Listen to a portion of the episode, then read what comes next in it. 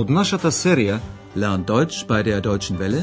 Учете германски со Deutsche Welle, чујте ја серијата Deutsch, warum nicht? Германски зошто не?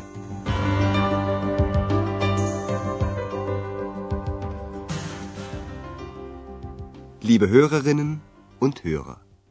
Драги слушателки и слушатели, денес ќе ја слушнете 24-та емисија од четвртата серија.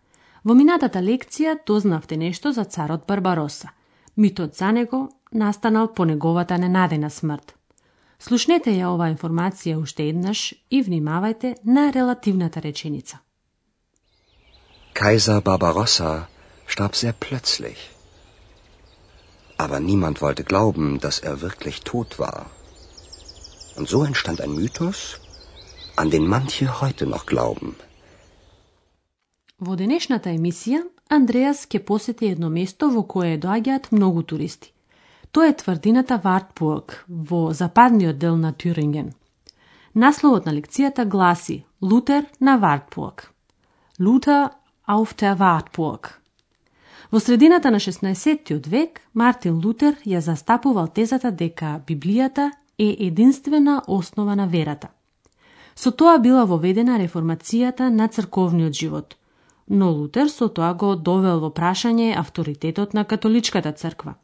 Затоа бил прогонуван од папата. Папст. И од царот и морал да бега. Додека бегал со кочијата, бил нападнат. Убафален. А тој несреќен случај за него се претворил во среќен. Слушнете зошто. Андреас се замислува како изгледал моментот кога бегал Мартин Лутер. Es ist das Jahr 1521. Martin Luther, nachdem Papst und Kaiser suchen, muss fliehen. Mitten auf der Fahrt durch den Thüringer Wald wird plötzlich seine Kutsche überfallen. Halt! Stopp! Überfall! Aussteigen! rufen drei Männer. Hilfe! Was wollt ihr von mir?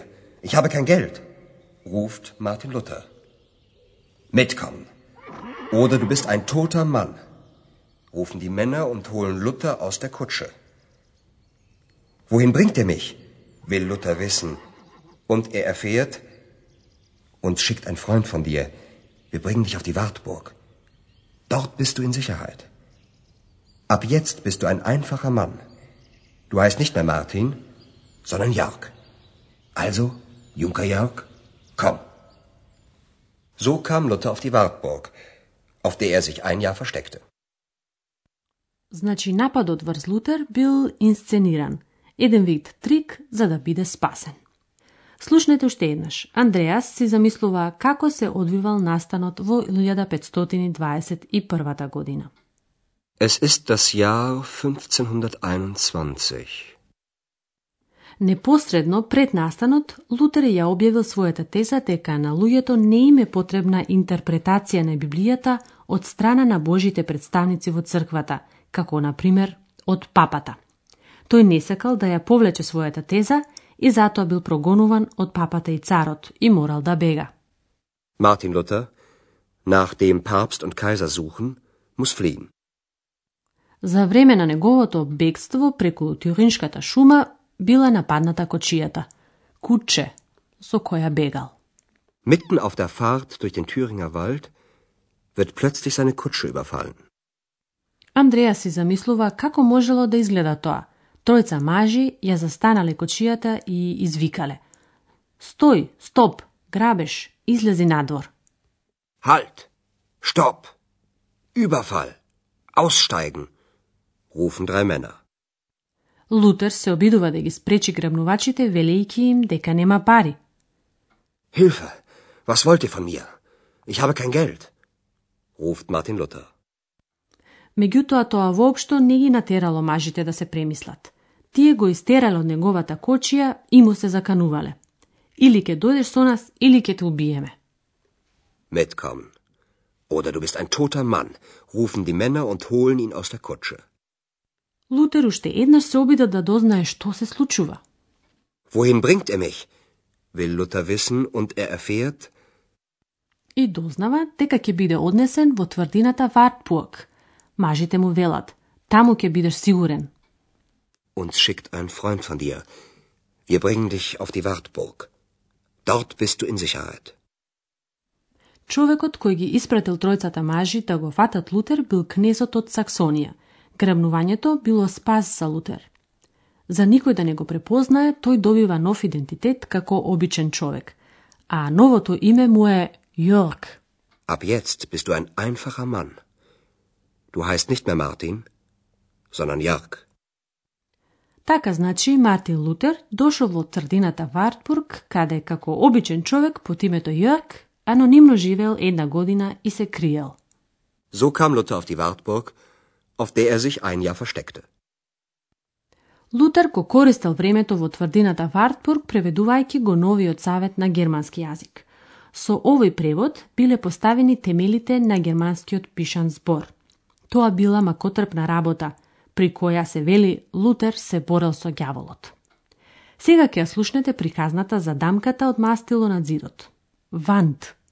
Порано се пишувало со мастило, кое се чувало во мастилница, Тинтенфас. А како што знаеме, кога пишуваме со мастило, многу брзо може да направиме дамка. Флек. Тоа му се случило и на Лутер.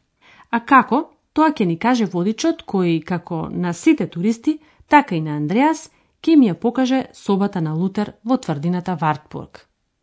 Das hier ist also das Zimmer von Luther. Und hier ist der Tisch, an dem Luther arbeitete. Sie wissen ja, hier übersetzte er das Neue Testament.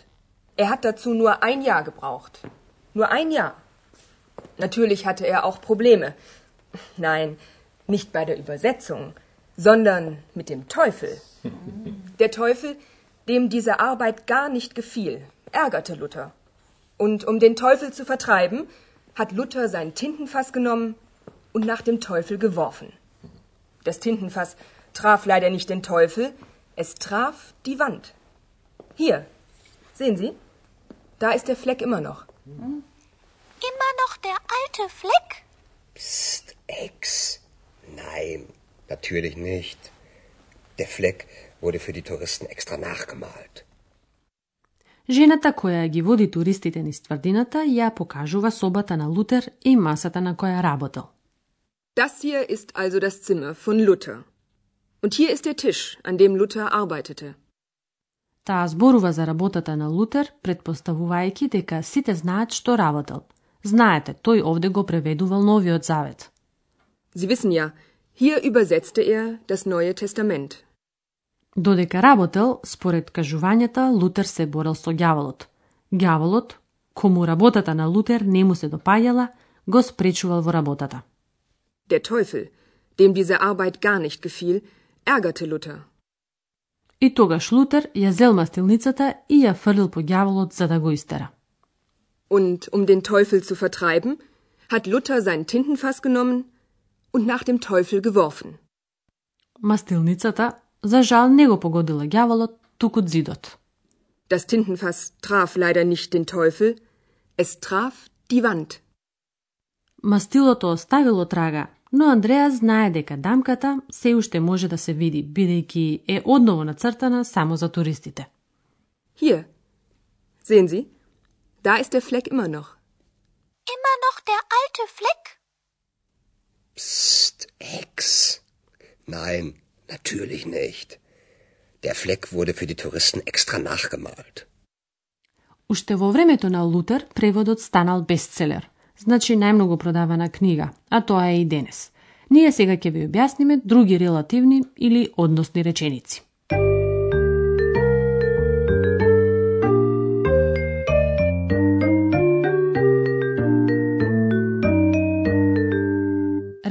Релативните реченици поблиску појаснуваат некој предмет или лице.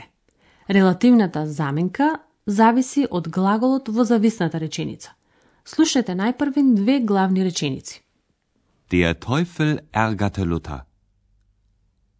Diese Arbeit gefiel dem Teufel nicht. А сега ќе ја чуете и релативната реченица. Глаголот gefallen, допаѓа, поточно се допаѓа некому, секогаш оди со датив.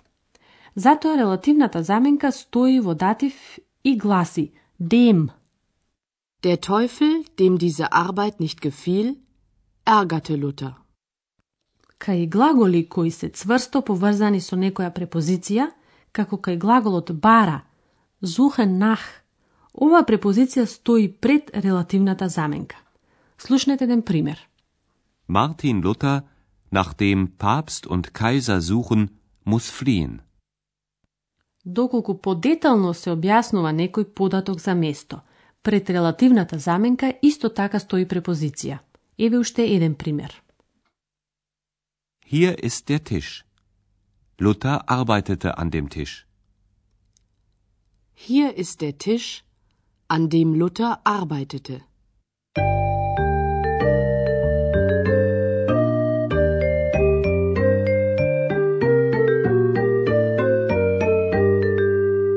На крајот уште еднаш ќе ги слушнеме двата текста. Седнете удобно и слушајте внимателно.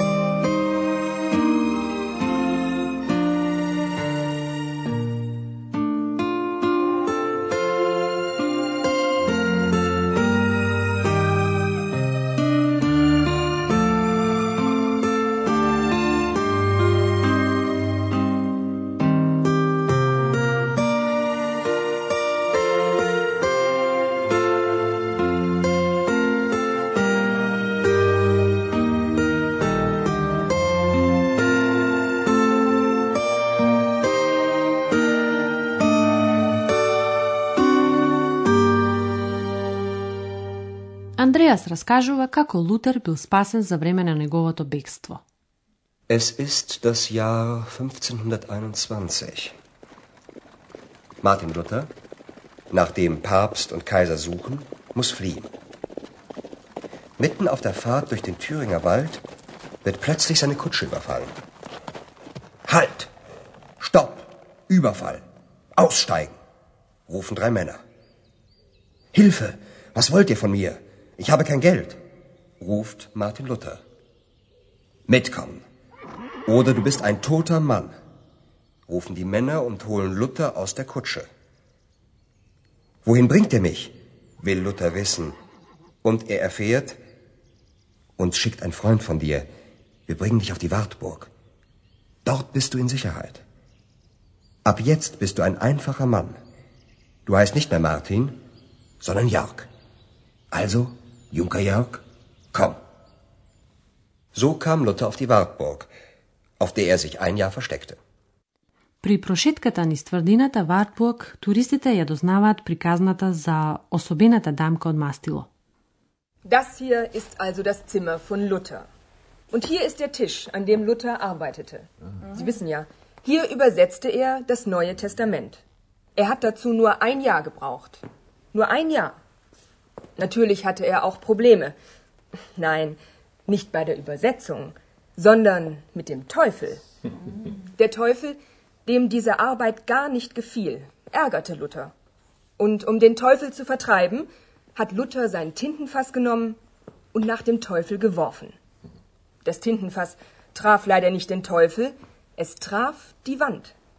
Hier, sehen Sie? Da ist der Fleck immer noch. Immer noch der alte Fleck? Psst, Ex. Nein, natürlich nicht. Der Fleck wurde für die Touristen extra nachgemalt. Дојдовме до крајот на емисијата. Следниот пат ќе ја слушнете приказната за синото цвеќе. До тогаш, до слушање. Тоа беше германски Зошто не? Радиоговорен курс на Херат Мезе во продукција на Дојче Веле и на Гетовиот институт од Минхен.